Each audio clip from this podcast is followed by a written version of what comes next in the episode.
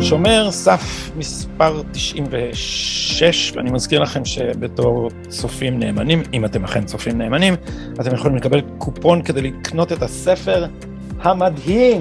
במקרה יש לי עותק פה, ניידים ונייחים, ב-20% הנחה עם הקופון שומר, S-H-O-M-E-R. קרולין גליק, גם את יכולה לקנות עותק עם הקופון הזה ב-20% הנחה. בתור איזה שותפ... כיף. בתור שותפה לפודקאסט. Uh, אנחנו נפגשים כל שבוע לאלה מהצופים העבריים שלנו שלא יודעים, אנחנו עושים פודקאסט משותף באנגלית, אז אנחנו נפגשים uh, uh, כל שבוע. אני מאוד מעודכן לגבי הדעות שלך ברוב העניינים, אבל אני מאוד הייתי שמח שגם הצופים שלנו uh, יהיו מעודכנים, והטור שלך זה, זה הטור מהשבת האחרונה, זה הטור בישראל היום על דרבן. ממתי זה? מה התאריך שזה? מהיום. מהתאריך של העשירי לספטמבר חדש מהתנור, כי כבר ראיתי את זה באתר. אז בואי תגידי בשתי מילים, כי זה בעצם טור לכבוד ספטמבר 11, 20 שנה לספטמבר 11, אבל את אומרת, שוכחים שזה 20 שנה לוועידת דרבן, וועידת דרבן, אומר הטור שלך, שינתה המון והיא חשובה לא רק לאויבי ישראל, אלא גם במסגרת המאבק הפנימי באמריקה. תסבירי לנו את זה. אוקיי, okay. קודם כל תודה שאתה מארח אותי בפודקאסט שלך. אגב, אנחנו אומרים את זה, כן, בדיוק. אנחנו, אנחנו תמיד, הקופון של גדי, שתדעו לכם, זה, זה כבר דבר רציני, כי כל שבוע בפודקאסט שלנו אני מציעה את ההנחה המופרזת לכל, ה, לכל הצופים שלנו שהם יכולים, אם הם, אם הם יצפו, הם יכולים גם uh, לעשות subscribe ביוטיוב, חינם אין כסף. כן, אז, אבל, אז אבל אין כפל מבצעים. ש... כאילו אם, אם מישהו יש לו 20% הנחה, אז הוא לא יכול להוסיף את זה על החינם. לא, הוא לא יכול, גם לא ברמבל. אז, אה, אז, אז אני אומרת שבזה גדי יותר שווה ממני, מה אני אעשה? עכשיו, אה, לגבי, לגבי הדברים הרציניים באמת, אה, מחר, 11 בספטמבר 2021, שזה 20 שנה לאחר המתקפות. אז יש הרבה ניסיון אה, להפיק ולהבין מה קרה, איך העולם אה, השתנה, מה קרה מאז. זה יהיה בדיוק אתמול כשנשדר, אבל רק לצורך הדיוק אני מסכים. אוקיי, כן. אוקיי, אז אתמול היה. יום השנה ה-20 של אה, פיגועי 11 בספטמבר, אבל כשאנחנו מסתכלים אחורה ואני מתעדת את המלחמה הזאת מראשיתה, גם מן הסתם היא לא התחילה ב-11 בספטמבר, היא התחילה ב-79 עם העלייה של המהפכה האיראנית,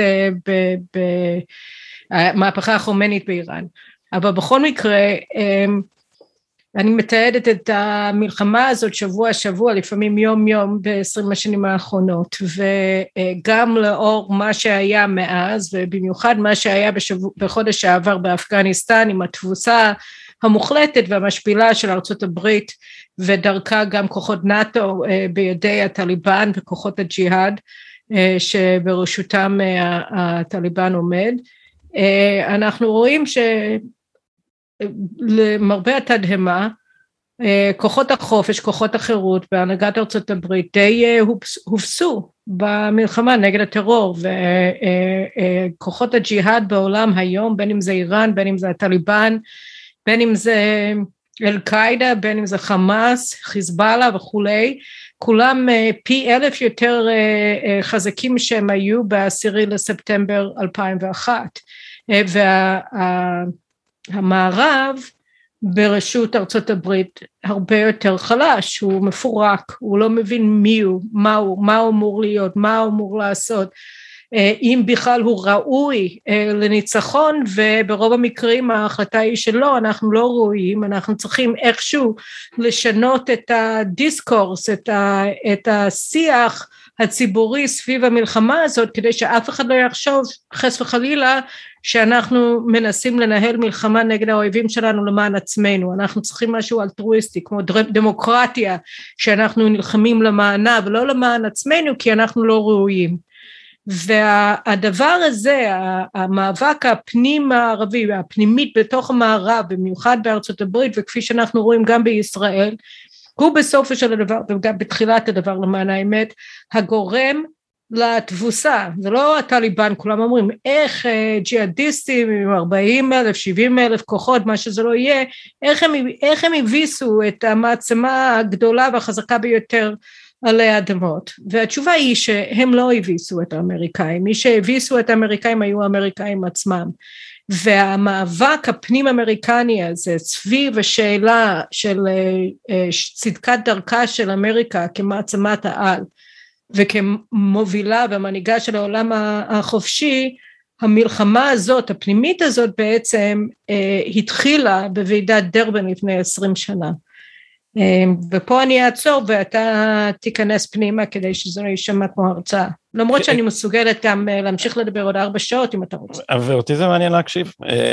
ועידת דרבן, פשוט להזכיר, זה ועידה שהשיקה את ה-BDS העולמי אפשר להגיד, או שהפכה את ה-BDS לתנועה עולמית, אה, בזה שהיא ועידה מוקמה בדרום אפריקה, והתמה שלה הייתה זה שמדינה יהודית היא גזענית, היא מדינת אה, אפרטהייד. אבל מה שאת כותבת במאמר, קרולין, על זה, הוא שהאג'נדה הסמויה וזה מאוד מעניין כי שוב היהודים הופכים אה, ל, למקרה הבוחן הפרדיגמטי שעליו סובב הכל. ועידת דרבן בעצם היה לה contingent אמריקאי, היה שם, היה שם משלחת אמריקאית רצינית, אה, ג'סי ג'קסון, אה, הכומר האנטישמי באופן אה, בולט, האמריקאי החי היחיד, שמעתי מישהו אומר שהוביל פוגרום אה, בקראון הייטס, אה, זה על שארפטון, אבל אה, אה, נכון, נכון, בלבלתי, אז אז שלא הוביל פוגרום, אבל שבא לוועידה הזאת, לפי דברייך, לא רק כדי למחות נגד היחס של ישראל לפלסטינים, אלא גם כדי לקדם את האג'נדה האנטי-אמריקאית בתוך ארה"ב.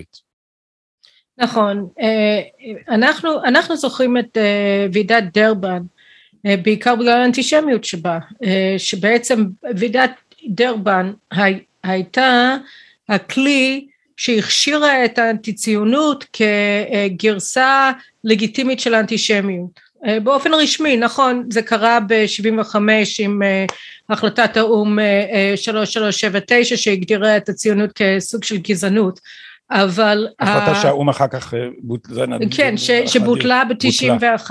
וכולם חשבו אחרי ביטול אה, החלטת האו"ם אז אפשר להגיע לדרבן. היו שני אה, כנסים, שתי ועידות אה, נגד אה, גזענות של האו"ם שקדמו בשנים שקדמו בעשור אני חושבת שקדם לוועידת דרבן ב-2001 וארצות הברית וישראל החרימה את שתיהן משום שהם פחדו שהם יהפכו להיות פורומים אנטישמיים. אה, בכסות החלטת 3379 שהגדיר אותה את הציונות כסוג של גזענות. אבל כשבוטלה ההחלטה אז הייתה מין אמונה תמימה מסתבר בדיעבד, אה, שאוקיי עכשיו אפשר באמת לדבר על גזענות. אבל מה שכמובן ישראל אבל גם ארצות הברית לא הבינו הוא שהטמינו להם פח. אז uh, באמת העוצמה של, של שנאת ישראל והלגיטימציה שעוינות לישראל, הכחשת השואה, קריאות לרצח יהודים וכולי, קיבלו שמה, הייתה הייתה מזעזעת, זאת אומרת באמת המשתתפים היהודים שהגיעו לדרבן אה, כשדיברת איתם לאחר מכן וגם במהלך הוועידה אה, הם היו בהלם, הם, הם פשוט היה להם קשה לתפוס מה קורה וזה למרות שבשנה שקדמה לוועידה אנחנו ראינו אה, מחזות גם כן חסרי תקדים בארסיותם של האנטישמיות במצעדים בלונדון, בפריז, מול המלחמת טרור הפלסטינית שהחלת שנה קודם לכן ב-28 לספטמבר 2000 כך שהייתה הקדמה ברחובות אה, אה, אירופה בעיקר נגד ישראל והאורגיה הזאת של האנטישמיות. אז אנחנו כל הזמן עוסקים בזה ובצדק כי באמת כמו שאתה אמרת תנועת ה-BDS כל כל התוכנית פעולה של, ה, של המלחמה הפוליטית והכלכלית, התרבותית והמשפטית נגד ישראל, התוכנית הפעולה היא, היא עוצבה, היא גובשה והיא אומצה אה, על ידי כל אה, ארגוני אה, זכויות האדם והשמאל הבינלאומי, לרבות האמריקני, בדרבן ולרבות הישראלי. שזה דבר, יש פה, יש פה משהו ממש מדהים, איך זה לא מקרה שארגוני זכויות אדם, כמעט כל ארגון שפועל בישראל שיש לו שם זכויות אדם בה, זהו אנטישמי, כמעט כולם. אבל זה מדהים, כי, כי הלוגיקה של דרבן, מה, מה היא עשתה בעצם? היא לקחה והפכה את הגזענות כלפי היהודים, אה, היא ניסחה אותה בשפת זכויות האדם כאנטי גזענות. זאת אומרת, עכשיו אפשר לבטא את, את שנאת היהודים שלך, לעטוף אותה כאנטי רייסיזם. וזה, כן. ואז אתה רואה כמה הדבר הזה הוא מגוחך, כי עומדים שם אה, נציגים מארצות ערביות, שהם לא, כאילו להדביק עליהם את זה שהם באו בשם זכויות האדם, זה עלק, ואני רואה את זה גם פה, אחמד טיבי, מה זה הקשקושים שלו על אפרטהייד? זה אנשים שבאים מתרבויות גזעניות עד העומק, אנטישמים מוצהרים עם הזעם היוקד בעיניים, החדית' שלהם שכל אבן תקרא להרוג יהודי, והם נלחמים בגזענות. וואו, ממש אה, זה, ורק לחזק את דברייך, כי אני לא עשיתי את הקישור הזה על דרבן אף פעם, אני חייב להודות באופן הפוליטי, שאת עושה אותו לאנטי ישראליות, אבל זה היה צריך להיות ברור לי למה, כי בתור מי שעוסק בדבר הזה במקרה משהו כמו 25 שנים, אז הלימודים הפוסט קולוניאליים, שהם, שהם הביטוי של שנאת המערב את עצמו, זה מה שיש באוניברסיטאות, כל הלימודים הפוסט קולוניאליים האלה, זה העיסוק שלהם, הם תמיד גם אנטי ציונים. וזה, כן. שמעתי את זה ממך לא פעם ולא פעמיים, שלכן יש זהות כל כך קרובה בין שנאת ישראל לשנאת אמריקה. זאת אומרת, קח, זהו, אז, קח את האנטישמים אז, באמריקה, הם שונאים גם את ארצם.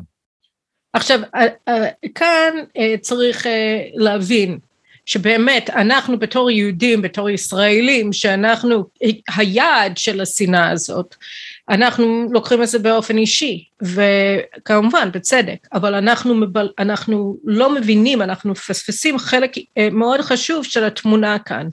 כי בעבור חלקים נרחבים של השמאל האנטי ציוני, השמאל הבינלאומי היום, האנטי ציוניות, האנטי ציונות, סליחה, היא כלי לקדם את המטרה העיקרית שלהם שזה תבוסת ארצות הברית, שזה דה-לגיטימציה של ארצות הברית, של עוצמה אמריקנית, של uh, כל ערכי ארצות הברית קודם כל בעיני האמריקאים עצמם הייתה תובנה בקרב הסובייטים כבר בשנות ה-40 שהדרך היחידה שהם באמת יוכלו להפיל את ארצות הברית שהייתה יותר חזקה אה, מברית המועצות בכל אה, פרמטר ונשארה כזאת עד סוף המלחמה הקרה אבל הדרך היחידה באמת לשרוד ולנצח או, או לפחות להתמודד ולהתחרות עם ארצות הברית הייתה לגרום לאמריקאים עצמם להטיל ספק בצדקת דרכם עכשיו פה האנטי ציונות משחקת תפקיד מאוד מאוד אה, גדול. ולי סמית החבר שלנו שאני יודעת שגם אירחת אותו בפודקאסט שלך בפודקאסט הזה פעמיים כן. זהו אז לי אה, כתב מאמר אה, בשבוע שעבר בטאבלט אה, שבו הוא, הוא קרא את uh, the, the Dream Palace of the Americans, זה על, uh, כאילו על תקן הספר של פואד עג'אמי, כן, כן, The Dream Palace of the Arabs, והוא בעצם אומר שהפנטזיה לגבי אה, אה, פלסטין ו-two state solution הוא בעצם הגרסה האמריקנית של, של ההזיה הערבית. והוא גם, אה, גם הקביל בין המערכה הכושלת באפגניסטן לבין הניסיון הבלתי פוסק של האמריקאים לקדם אג'נדה של מדינה פלסטינית על אף שזה ברור כמו דמוקרטיה באפגניסטן שאין לזה שום סיכוי אבל uh, היה לו uh, משפט שתמצת את הבעיה, שתמצת גם את הזדוניות של התפיסה הסובייטית, שבעצם עבור, uh, הסובייטים הבינו שהמקור, אחד מהמקורות באמת של ה...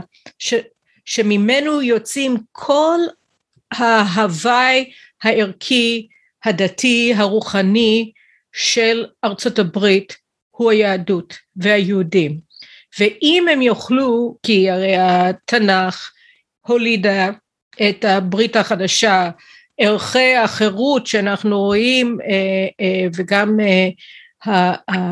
האיסור לקבל כוח אבסולוטי משליט, כל הדברים האלו הם בעצם המקור שלהם בתנ"ך, בתורה. ואם אתה עושה דמוניזציה, אם אתה ממית את הלגיטימציה של היהודים, אתה גם מבטל את הזכויות שלהם לארץ ישראל, וארצות הברית הרי הייתה אמורה להיות ירושלים החדשה, אז בעצם אתה משמיט את הקרקע מתחת לצדקת דרכם של אמריקאים.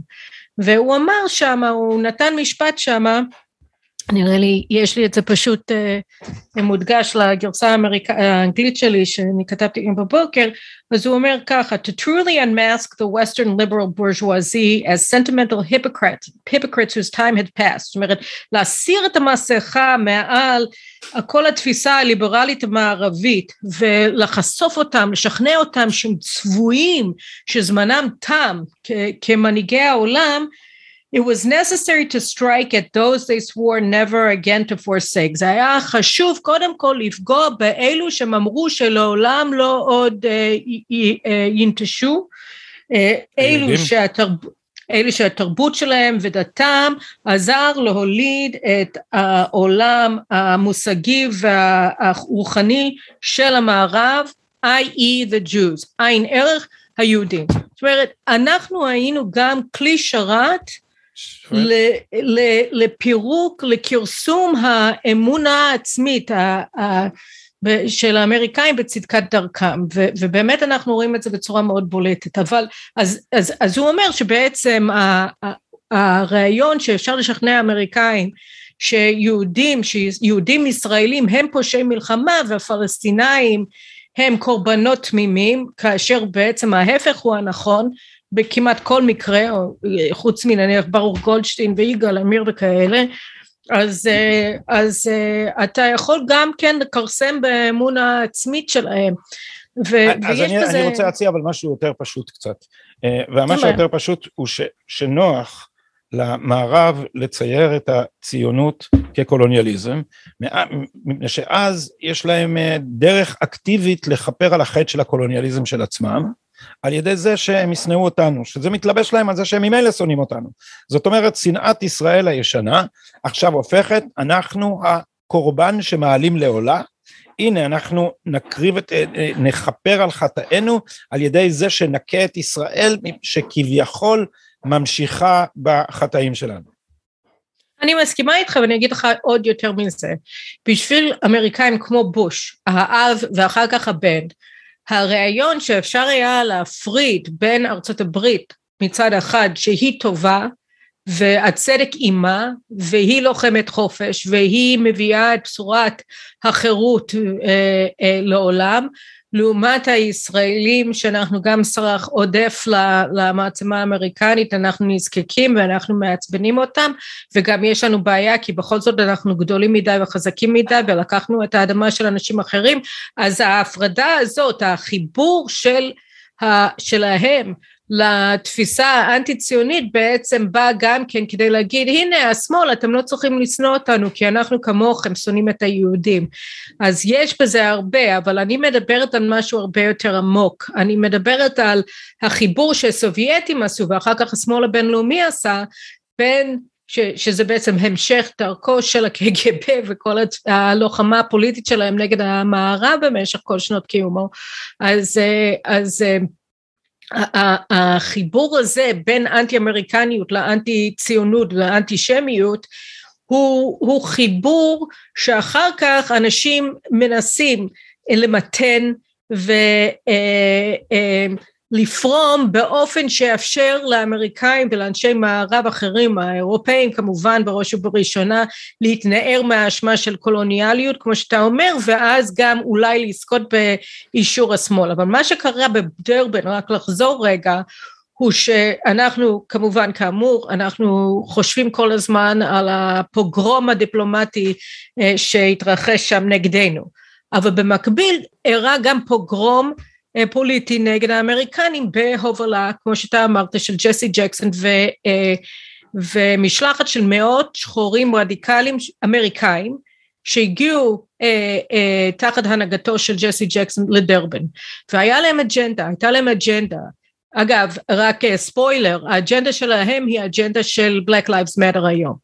שהאג'נדה שלהם היא שארצות הברית היא בעצם שורש הרוע בעולם, זאת אומרת הם מתנערים מהניסיון של אנשים כמו הבושים אה, אה, להתנתק מה, מהאשמה של קולוניאליות על ידי הפלת האשמה על היהודים, כאילו התחברות לתפיסה האנטישמית שלהם, והם אומרים לא לא לא, ארצות הברית היא נולדה בחטא. אם ניקח את, ה, את החטא הקדמון של הנצרות וכולי, ארצות הברית נולדה בחטא, לא בערכי החירות ושוויון הזדמנויות ו, וכל הערכים הנעלים של uh, תקופת ההשכלה הבריטית, אלא היא, היא נולדה בחטא הקדמון של הגזענות שבא לידי ביטוי ראשוני עם העבדות של האפריקנים שהובלו אה, בשרשראות אה, אה, לעבר ים לארצות הברית. ואי אפשר להיטהר מהחטא הזה. אי אפשר אי אפשר להתנער ממנה, אי אפשר לעשות כפרה על הדבר הזה, זה לא יקרה. ארה"ב נולדה בחטא, והחטא הגזענ... של הגזענות היא, היא בעצם היסוד הקיומי של ארה"ב ולא החירות והחופש. וככה היא, זאת מהותה, המהות של הברית היא מהות מרושעת מטבעה במהותה ותמיד והדבר היחיד שאפשר לעשות זה איכשהו איכשהו לפצות. ומפצים קודם כל עם פיצויים. הם דרשו טריליוני דולרים עדיין עד עצם היום הזה של reparations של פיצויים אה, של, של לשחורים אמריקנים שסובלים traumatic slavery disorder, אוקיי? ושבעצם גם שחורים שנולדו 100-150 שנה לאחר סיום העבדות באמריקה ב-1865 אחרי מלחמת אזרחים עקובת מדם שחצי מיליון אמריקאים נהרגו כדי לשחרר אותם. כל הדבר הזה הוא אה, בטל בשבעים זה לא משנה כי, אה, כי עכשיו מאז שום דבר לא השתנה. נכון לא הייתה יותר אה, אה, לא היה יותר שוק עבדים בצ'ארלסטון סאות' קרוליינה ולא היו כל הדברים האלו אבל מה? ארצות הברית הגזענות פשוט שינתה את פניה ונשארה תמיד. גם uh, התנועה לזכויות האזרח בשנות ה-60 שביטל, שגרם לביטול הסופי של, של אפליה על רקע גזעני. הפרדה כן של חוקי ההפרדה ש...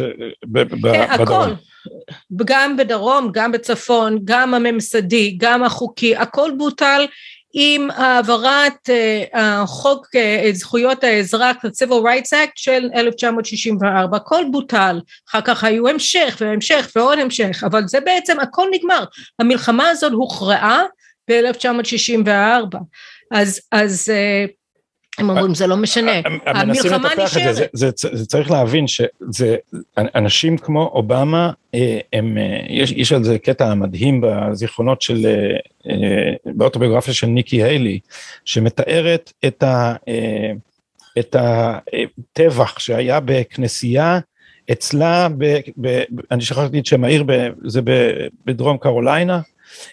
זה היה בצ'רלסטון. בצ'רלסטון עצמה.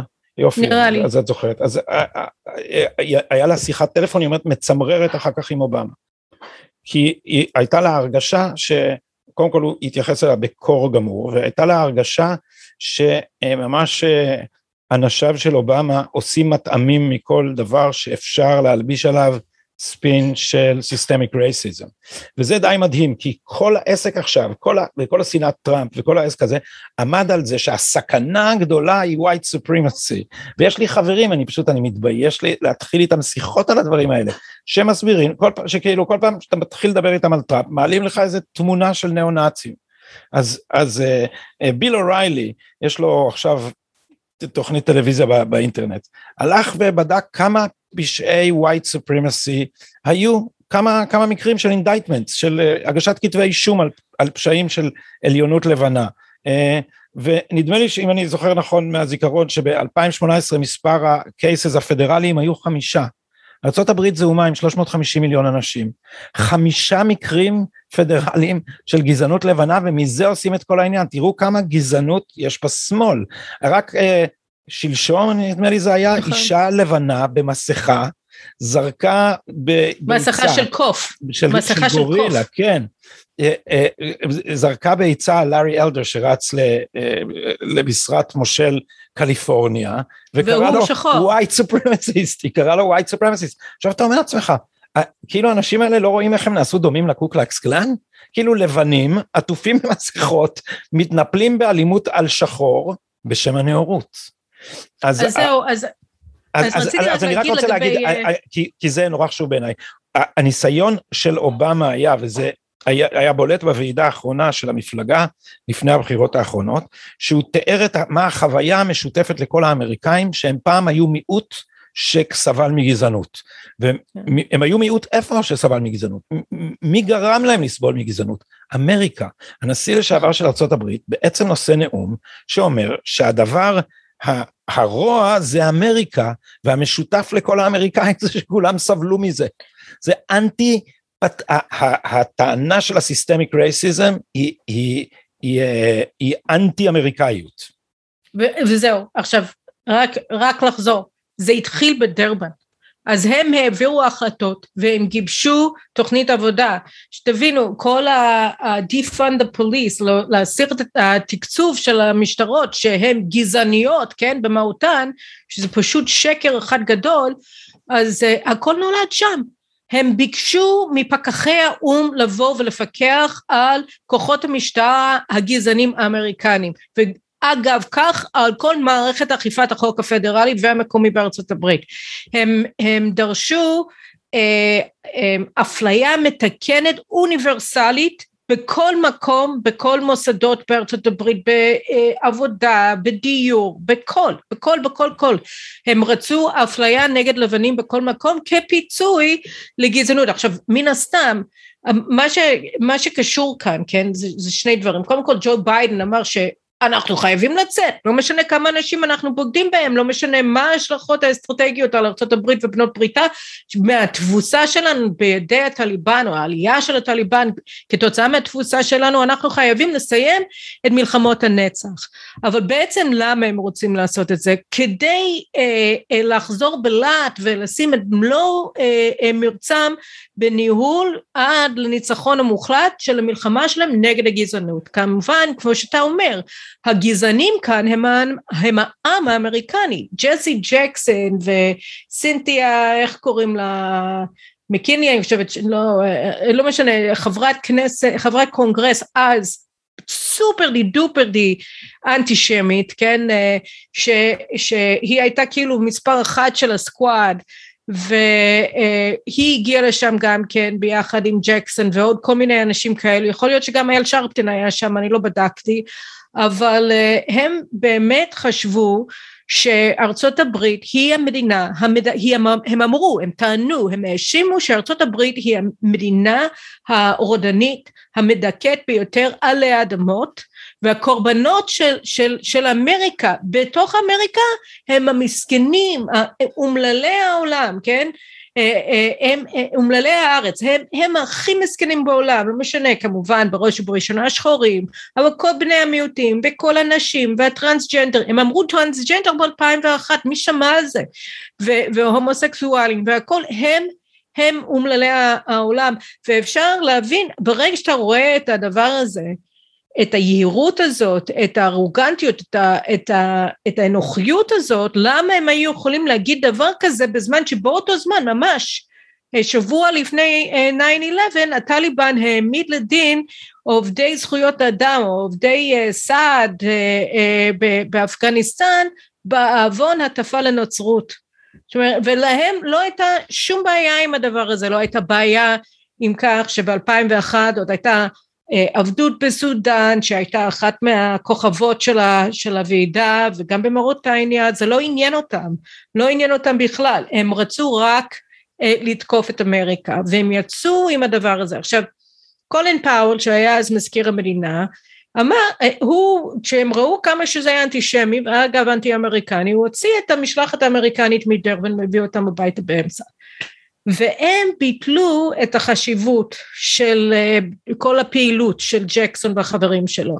ומה זה משנה, זה סתם, זה, זה שוליים צהרוריים של המפה הפוליטית, של החברה האמריקנית, זה לא משפיע. כלום, וכעבור ארבעה ימים עולים המגדלים ב- בלהבות, ומי באמת חושב שזה רציני, אבל זה כן רציני, כי, כי יש להם, היה להם כבר אז, אני לא יודעת אם אתה זוכר, אבל ב-11 לספטמבר היה feature בניו יורק טיימס על ארגון הטרור האמריקני השמאלני הרדיקלי Weather Underground, כן, היה להם פרופיל על ברנרדין דורן, שהיא ובעלה וויליאם איירס שהיה מפקד ה-Weather Underground, שניהם היו, הם הבית שלהם היה המקום שברק אובמה אז אה, מרצה למשפט חוקתי באוניברסיטת שיקגו, השכונת, שכונת הילדות שלי, כן, הוא השיק את הקריירה הפוליטית שלו מהסלון שלהם. מהסלון שלהם. והם מחבלים אגב הם כתבו uh, ספר שיצא לאור שהילל את, ה, את הפיגועים שלהם את הפעילות הטרוריסטית שלהם. הם בעיקר הצליחו להרוג את עצמם הם לא הצליחו אבל, אבל למי הם uh, הקדישו את הסרט את הספר שלהם לסיר חאן סיר חאן הפלסטיני שרצח את בובי קנדי. רק שתבין עד כמה עמוקים השורשים פה של החיבור בין אנטי אמריקניות ואנטי אנטי ציונות ואל אה, הרדיקליזם השחור כן. הרדיקליזם השחור ושורשיו האסלאמיים וה, והסוציאליסטיים. והקומוניסטיים אבל, אבל, אבל צריך להזכיר שגם בתנועה לזכויות האזרח היו שתי נשמות ואם אני אוסיף את הדבר שאות, שאותי עניין את, את הדברים האלה על אובמה לא הכרתי אבל אה, מה, ש, מה שאותי עניין היה שבשנת 66 אפשר להגיד בדיוק מתי אה, התנועה הקלאסית לזכויות האזרח בעצם עוברת תהפוכה ונחטפת בידי סטוקלי קרמייקל ואחר כך... על ידי סטוקלי קרמייקל. כן, כן, זה מה שאמרתי, בידי, בידי סטוקלי אה, כן. קרמייקל, אה, וזו אותה תקופה שהפנתרים השחורים עולים, ש... ש, שמלקולם אקס אה, זוכה לתהילה, וזה ממש רגע, כי ברגע הזה סטוקלי קרמייקל השתלט על סניק, שזה הזרוע הסטודנטים של, הזרוע הסטודנטים של התנועה לזכויות האזרח, ואחד הדברים הראשונים שהוא עשה זה להעיף את היהודים.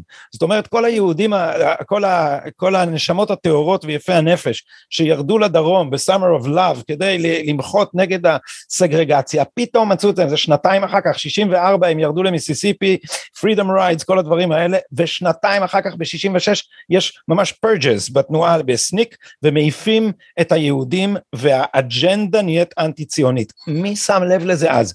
אז פה אה, אה, אנחנו צריך לזכור, 67 היה גל של אהדה לישראל ו, ו, ו, ו, ומתחת לכל הגל הזה אף אחד לא ראה שאת את תולעת האנטישמית מתחילה לחפור שוב דרך רגשות האשמה כלפי השחורים וכל זה והדברים האלה נעשו אחר כך אה, דומיננטי באוניברסיטאות, אנג'לה דייוויס שככל הנראה השתתפה ב, לכאורה ברצח, נכון? או זה כבר לא לכאורה, כי היא, נדמה לי שהיא הורשעה, היא עכשיו פרופסור אמריטוס באוניברסיטה של קליפורניה, זאת אומרת האנשים האלה הם עכשיו לב הממסד, אתה הולך לאוניברסיטה האמריקאית, וזה מה שאתה מקבל בתור חומר הלימודים, לא בתור דעה של מישהו, בתור חומר הלימודים מלמדים אותך תיאוריה פוסט קולוניאלית שבה, לא יודע, באוניברסיטה שממנה אני באתי קרולין, ב,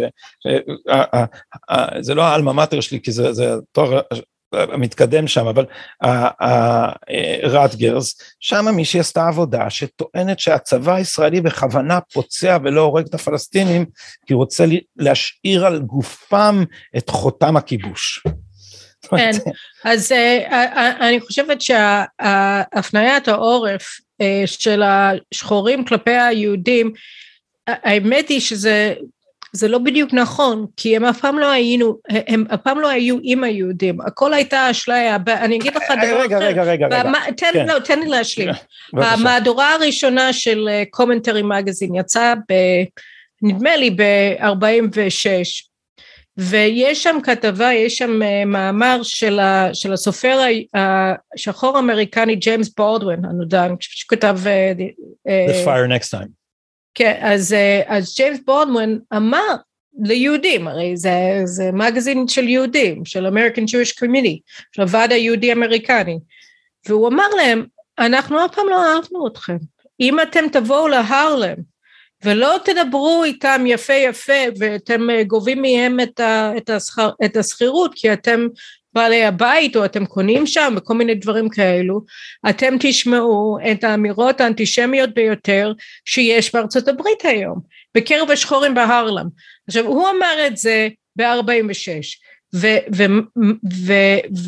ונכון יש שיתוף פעולה יש אהדה יש גם המון סיוע. הרי מי שהקים את הארגון uh, National Association for, for the Advancement of Colored People the NAACP שזה ארגון זכויות האזרח השחורים הראשון שהוקם בארצות הברית עוד במאה ה-19 היה uh, רוזנפלד שהיה הבעלים של סירס זאת אומרת זה היה יהודי uh, גרמני עשיר אמריקאי, הוא הקים את זה ולמעשה יהודים אמריקנים עמדו כבר מראשית הדרך אה, אה, מאחורי כל התנועה לזכויות השחורים בארצות הברית.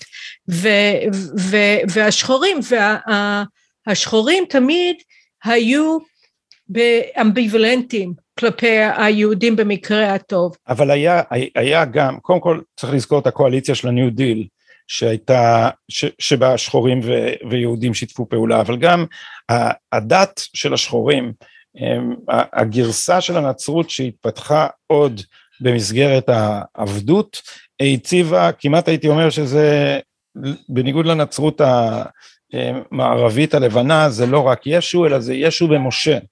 אז זאת אומרת, the people of Israel, go down Moses, והיציאה אה, מהעבדות, אני רק עכשיו נתקלתי באיזה, באיזה ביוגרפיה של אה, מרק טוויין, שהוא היה ב... הוא נולד בכפר קטן שנקרא פלורידה במיזורי, והיה שם מעט אנשים, אבל היה אחד שהיה לו מטע.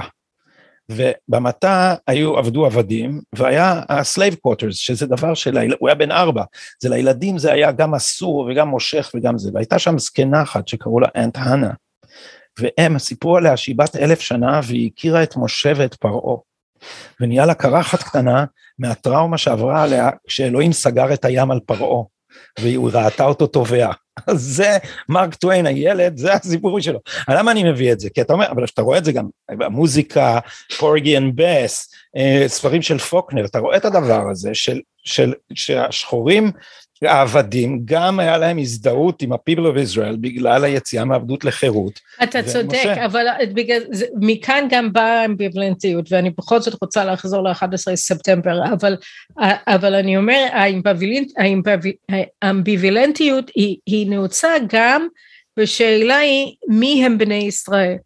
כשאתה רואה למשל את הטבח בסופר בג'רזי סיטי ב-2018 אז מי, ש, מי שביצע את הטבח היו Black Hebrews, עברים שחורים וכל המיתוס המייסד שלהם ולא רק שלהם, זאת אומרת הם חלק ממסורת מאוד ארוכה היא אומרת להם שהם בני ישראל האמיתים שהיהודים הם פייק יהודים אנחנו, אנחנו לא בני עם ישראל, הם בני עם ישראל, הם היו עבדים לפרעה במצרים, משה היה שלהם, משה היה מדיין, אה, הוא, הוא בא ממדיין, הוא היה שחור, הוא היה משלהם ואנחנו גנבנו להם את, ה, את, ה, את הנרטיב, את הסיפור, את ההיסטוריה ואנחנו גנבים וחמדני כסף כמובן וכל הדברים האלו אבל, אבל זה, זה גם כן אז, אתה, אז כשאני מדברת על אמביוולנטיות היא אמיתית והיא שורשית והיא הולכת אחורה וקדימה. עכשיו לגבי רק, רק כדי אה, לסגור את המעגל השנאה לארצות הברית שאתה מדבר עליה גם כן אה, עם, ה, עם האנטי קולוניאליות שלהם ועם ה, כמו שאני אמרתי עם, ה, עם האמונה שהגזענות היא מהותה של ארצות הברית והיא חסרת תקנה. כן היא אפילו אין, אין דרך לכפר על זה. כל מה שאנחנו רואים היום הם, הם דברים ש, ש כמובן כפי, שאני, כפי שאנחנו מדברים אחורה אחורה אחורה אבל הם גובשו לכדי תוכנית פעולה, תוכנית עבודה, בדיוק כמו האנטישמיות ותנועת ה-BDS וכולי, בדרבן. ואחרי אה, אה, אה, כמה חודשים של הלם בארצות הברית, ואני רק אשים סוגריים, אפילו לא, אפילו כשהעשן עוד התעמר מעל הריסות מגדלי התאומים, כבר אתה שמעת את הטרוניות שלהם, הם הגיע לנו להיות מותקפים. הכומר של ברק אובמה, ג'רמיה רייט, אמר, America's chickens have come home to roost, אנחנו מקבלים את מה שמגיע לנו עם מתקפות התאומים, משום שאנחנו גזענים, והגיע לנו להיטבח, להירצח, להיות מותקפים, הגיע לנו. אז, זה, אז, זה הכל זה... מטעם איש ברק אובמה, שוכחים שהוא תמיד הרגיש לא מספיק שחור. זאת אומרת, בתוך הקהילה השחורה הוא הרגיש שהוא, איך לקרוא לזה, משתכנז מדי. אז הוא, אני חושב חלק מהדחף שלו, או הרצון שלו להתקרב לרדיקלים היה, נבע מזה שהוא, מי, ש, מי שדרך אגב תיעד את זה, סליחה שאני עושה, פותח עוד איזה פוטנוטס, אבל אני לא יודע אם את, את אוהבת לקרוא את, את תום וולף, שהוא בעיניי הוא הסוציולוג הכי מוצלח של, של ארצות הברית, פשוט הכי טוב, פשוט בתור סופר הוא סתם שונא אנשים, אז זה, עניין אחר, אבל הוא, הוא, הוא מתאר מה זה בכנס, מה זה בקהילה השחורה שאתה לא מספיק שחור. אז יש לו, אם ירשה לי אנקדוטה, יש לו דמות אחת של עורך דין שחור שנקרא Roger Too White. ולמה הוא נקרא Roger Too White? כי למשפחה שלו קראו ווייט. אז, ואבא שלו זה, אה, זה רוג'ר ווייט, אבל הוא ידע שיש רוג'ר ווייט ג'וניור ורוג'ר ווייט השלישי, פשוט האבא שלו התבלבל וקרא לו רוג'ר ווייט 2, ואז כשהוא הגיע לקולג' הפכו לו את זה וקראו לו Roger Too White, כי הוא היה kiss-up, כי הוא היה אחד שהתחנף ללבנים. אז ברק אובמה בעצמו היה נתון באיזה מין, באיזה מין צורך להראות ש, שגם, שגם הוא, שהוא with the brothers. טוב, הוא, הוא כל המצאתו מחד, המחודשת מחדש בשיקגו, כשהוא הגיע לשכונה שלי, הייתה בעצם ניסיון, פתאום, פעם ראשונה באמת בחיים שלו, אה, זה לא נכון, אני מגזימה, אבל להמציא את עצמו מחדש כפעיל שחור. אז למשל, הייתה לו חברה מאוד אה, אה, רצינית, שאף אחד לא נוקב בשמה אף פעם, שהייתה לבנה. הוא עזב אותה והלך עם מישל.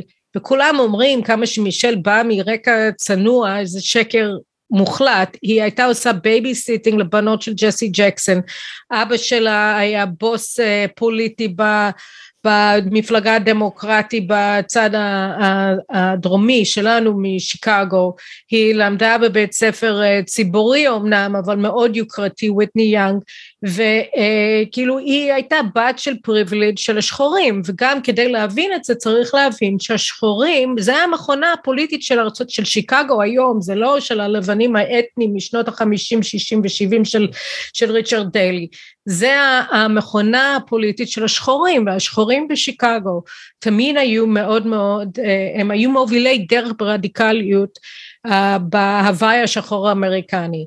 וכשאנחנו רואים עכשיו מגיעים ל-9-11 ואנחנו שומעים מנהיגים של, ה, של הקהילה השחורה לא רק בשיקגו ובמיוחד בשיקגו וזה חשוב משום שאובמה משם, ג'סי ג'קסון משם, פרחן משם, אה, אה, ג'רמיה ווייט אה, כמובן משם, אופרה ווינפרי משם אז אנחנו, אז אנחנו מבינים את הקלחת, את, ה, את, ה, את הסחי האנטי-שמית והאנטי אמריקנית שבעצם הוא שחה בו, אובמה שהפך להיות נשיא ארצות הברית. אז כשבוש עוד היה נשיא, התערומת הזאת, השנאה הזאת, האנטי אמריקניות הזאת, במיוחד, זאת אומרת שקיבל אה, לגיטימציה מההנהגה השחורה וכמובן כמדוכאי ארצות הברית הייתה להם לגיטימציה להשמיע ביקורת כבר ב-2001 אחרי האסון, אחרי המתקפות, אבל ביחד איתם כבר היה כל השמאל הקיצוני הלבן אלו כמו האישה הזאת עם המסכת גורילה שזרקה אה, אה, ביצה ללארי אלדר שחור שגדל בסלאמס של השחורים בסאוט סנטרל אל-איי אז אה, הוא, הוא, הוא, הוא לבן, הוא מהגזע הלבן העליון למרות שהוא שחור והוא בא מכלום ומהאשפתות והיא אה, מדוכאת משום שהיא אה, היא, היא ביטלה היא ביטלה את הפריבילגיה הלבנה שלה כדי אה, להיות לוחמת חופש אמיתית. קרלי, מתי הספר? מתי הספר? זה, זה, אני אומר לך, כי זה ספר שיהיה לו קל. יכול להיות, אז אני רק, רק אני אסגור סוגריים פה, אני אגיד, הם כבר, הקלחת האנטי-אמריקנית הזאת, היא התחילה כבר אז, וג'ורג' בוש בא, וקראתי מחדש את הטקסט, כולם כבר שונאים את ג'ורג' בוש משום שהוא הוא הרס, הוא, הוא התחיל את המלחמה בטוב והוא הרס אותה. עכשיו למה הוא הרס אותה? למה בעצם מלחמה שהוא הכריז עליה ב-20 לספטמבר מול אה, שני בתי הקונגרס אגב זה, זה נאום סופר אה, אנטי ישראלי רק שאנשים לא הבינו את זה אבל הוא אמר אנחנו נילחם נגד כל ארגוני הטרור בעלי אה, יכולת גלובלית כן? וזה היה בזמן שהטרור המקומי חגג פה ברחובות אה, ישראל והדם היהודי נשפך. אבל הוא לא רצה לכלול את הפלסטינים הוציא אותם כבר מראש מה, מהבעיה שזה מטורף. אבל לא משנה, באותו נאום תוכחה הוא אמר אנחנו יוצאים למלחמה נגד כל ארגון טרור ונגד כל משטר שנותן חסות לארגוני טרור בעולם ואתם צריכים כולם להחליט היום או שאתה איתנו או שאתם נמצאים עם הטרוריסטים.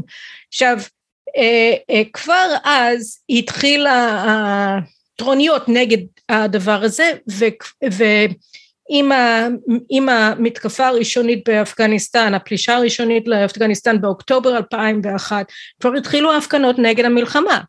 וכמובן בחודשים שקדמו לפלישה האמריקנית לעיראק אותו דבר. עכשיו ג'ורג' בוש לא, לא בן אדם חזק אופי, הוא אלכוהוליסט, הוא, הוא חזר בתשובה דתית, הוא הוא כל מיני, הוא די בן שנפל, אז הוא לא בעל אופי חזק. טמבל, כן, הוא, הוא, הוא, הוא מפגר קצת, כן. בכל מקרה לא נעים להגיד, אבל כן. ריצ'רד פרל אמר על, על בוש שהוא היה נשיא שמונה שנים מבלי ללמוד איך להיות נשיא. בכל מקרה, אז הוא התחיל, הם התחילו להרוג, סליחה, לא דמוניזציה, בוש היטלר, כל מיני כאלה, להגיד שהוא נאצי והוא מדכא והוא זה, ואחר כך הם העבירו גם את הדמוניזציה, דה-לגיטימציה לצבא האמריקני, במיוחד בעיראק, אבל לא רק, אה, כדי אה, להשחיר את פניהם של, הצ... של החיילים האמריקנים ולכרסם בלגיטימציה של המלחמה נגד הטרור האסלאמי, שזה כבר רובד אחר, כאילו מה הקשר בין השמאל הבינלאומי והאסלאם, אבל זה סיפור אחר. בקיצור, אז בוש היה במצוקה, ואני טוענת במאמר שלי ו, ואני חושבת שיש עדויות רבות לכך שאחת מהסיבות שהוא הפך גם את המערכה באפגניסטן וגם את המערכה בעיראק ואחר כך בכלל בעולם הערבי באופן הזוי לחלוטין אה, למערכה למען דמוקרטיה כן? היא מתוך מצוקה. היא מתוך מצוקה ועוד פעם הרצון אה, להדוף ולצמצם ולרדד את הביקורת שבאה מכל כיוון, מהתקשורת, מהוליווד, מהאינטרנט, מכל מקום, כאילו איפה שאתה לא הלכת, אה, אה, כמובן מהאקדמיה, אז אמרו שהוא נאצי, אמרו שהחיילים האמריקנים הם נאצים. וחיילי אס אס, שזה מטורף, מה, נגד מי הם נלחמו, אפשר להגיד מה שהם רוצים, אבל סדאם חוסיין הוא לא בדיוק אימא תרזה. אז, אז אה, או אנה פרנק, אה, אז, אז אה, הם, הוא, הוא אמר טוב אז בעצם המלחמה היא אלטרואיסטית אנחנו לא מדברים על הביטחון הלאומי שלנו, של האמריקאים, לא עלינו, כן? אנחנו לא מדברים על נאט"ו, אנחנו לא מדברים על בנות הברית, אנחנו באים להציל את העולם, יש לנו תפיסת עולם משיחי שאומרת אה, שהתכלית של כל מלחמות ארצות הברית היא להביא חירות, בשורת החירות והדמוקרטיה לעולם והחיילים שלנו יעשו את זה והתחיל counter terrorism ו... counter insurgency ואיך אנחנו מעלים אנשים ומורידים אנשים וכולי. אבל כמובן גם פה בגלל שאסור היה להם לקדם את ארצות הברית אז למשל האמריקנים בעיראק לא עשו דבר כדי למנוע את החדירה האיראנית לתוך הקלחת הפוליטית בעיראק. ובסופו של דבר הדמוקרטיה האמריקנית הפכה את עיראק אה, לגרורה של איראן, בקצות הדמוקרטיה.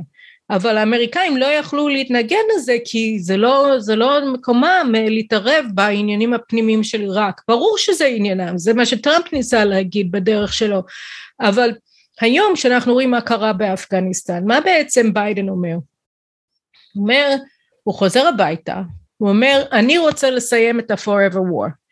אני עושה את זה כי אנחנו צריכים לטפל במה שקורה אצלנו וכולי. עכשיו, הוא שכח שאם אתה שם קץ למלחמה שלא ניצחת בה, אז הפסדת בה.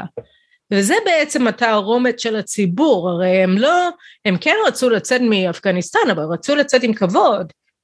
רצו לצאת עם לפחות אה, תחושה ש, שהם לא הפסידו באופן מוחלט, אבל זה לא, לא, את זה הם לא, הוא לא היה יכול לתת להם. לא היה יכול לתת להם, אני עכשיו חושבת, גם בגלל שהתומכים שה, שלו במפלגה, שהשתלטו על המפלגה, אה, ב-2008 עם היבחרותו של בין הטיפוחים של אה, שרפטון וג'סי ג'קסון ופרקן וכולי, ברק אובמה, אז הם רצו, הם רצו את התבוסה, הם רצו את התבוסה עוד בדרבן והם רוצים את התבוסה של אמריקה גם היום, כי הם שונאים את אמריקה כפי שהיא. וצריך להגיד, והם רוצים משהו אחר.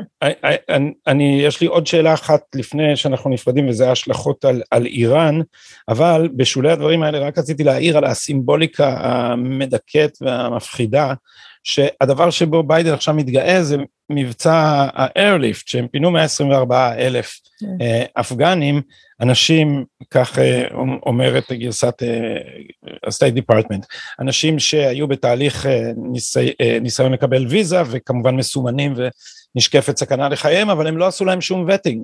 אתה אומר לעצמך, מי אמר שהם לא הביאו עכשיו את המפגעים של ה-9-11 הבא? כאילו במלאת 20 שנה ל-9-11, אתה מביא 124 אלף אפגנים ממדינות uh, טרור, שאומנם יש לקוות שאלה שביקשו ויזה, ביקשו ויזה מטעמים, uh, מטעמים uh, טובים, אבל גם מפגעי 9-11 ביקשו ויזה, זאת אומרת, יש פה משהו כמעט אובדני בחוסר הבנה בסיסי של מה היחסים בין ארה"ב לבין שונאיה. אני מסכימה איתך, ואני חושבת שיש יסוד סביר להניח לא מעט מחבלים נכנסו, מדוע? משום שמי שעמד במחסומים והחליט מי יכול להיכנס לשדה התעופה בכבול ומי לא, היו הטליבן ואל-קאעידה. זאת אומרת, ארה"ב העביר את, את הסמכות להחליט מי לחיים ומי למוות לאלו שרוצחים.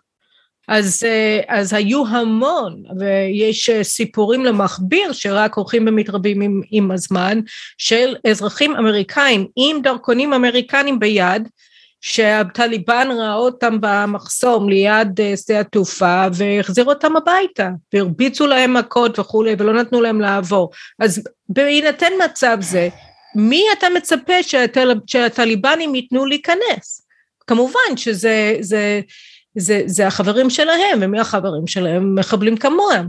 אז ברור, ברגע שארצות הברית העבירה את הסמכות להחליט מי לחיים ומי למוות, אז אנחנו יודעים במי יחליט, במי, בעד מי הטליבן יהיו ונגד מי, רק אמריקאים לא, אבל אמריקאים גם ממשל ביידן הוא באמצע ממשלת, זה ממשלת ועידת דרבן, השנייה, כן, אחרי אובמה, אז הוא בעצם מקדם את תוכנית שנסגרה שמה. וזה מה שאני אומרת, וכמובן זה לא מוסיף לי בריאות לכתוב את הדברים האלו, אבל אם אנחנו לא נבין שבעצם הדבר היחיד שיכול להכריע את, ה, את, ה, את האמריקנים, ואגב ככה את הישראלים, זה הגיס החמישי של אנשינו, של אזרחינו, שאומרים שאין לקיומנו שום הצדקה, שהעוצמה שלנו היא, היא במהותה אה, מרושעת ושאנחנו נולדנו בחטא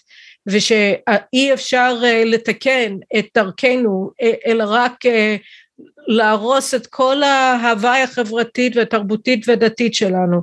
ואנחנו אנחנו צריכים להבין את זה, אנחנו צריכים להבין שכשדיברו על הברית של האדומים והירוקים אני לא יודעת אפילו אנשים, חברים שלי שהשתמשו במטבע הלשון הזה עוד לפני עשרים וחמש עשרה שנים, הבינו עד כמה החלק האדום, החצי האדום בברית הזאת, היא, היא החזקה ביותר והיא, והיא המאיימת יותר. ועד שאנחנו לא נבין את זה ואנחנו לא, לא נתקן את עצמנו פנימה ואנחנו לא נחזיר את המצב במצב שקולן פאוול כנראה בשוגג סבר שהוא נמצא ב-2001, שהוא אמר שאלו שוליים אה, סהרוריים בחברה האמריקנית, הם לא משפיעים על שום דבר, אנחנו לא נוכל אה, להיות פתוחים.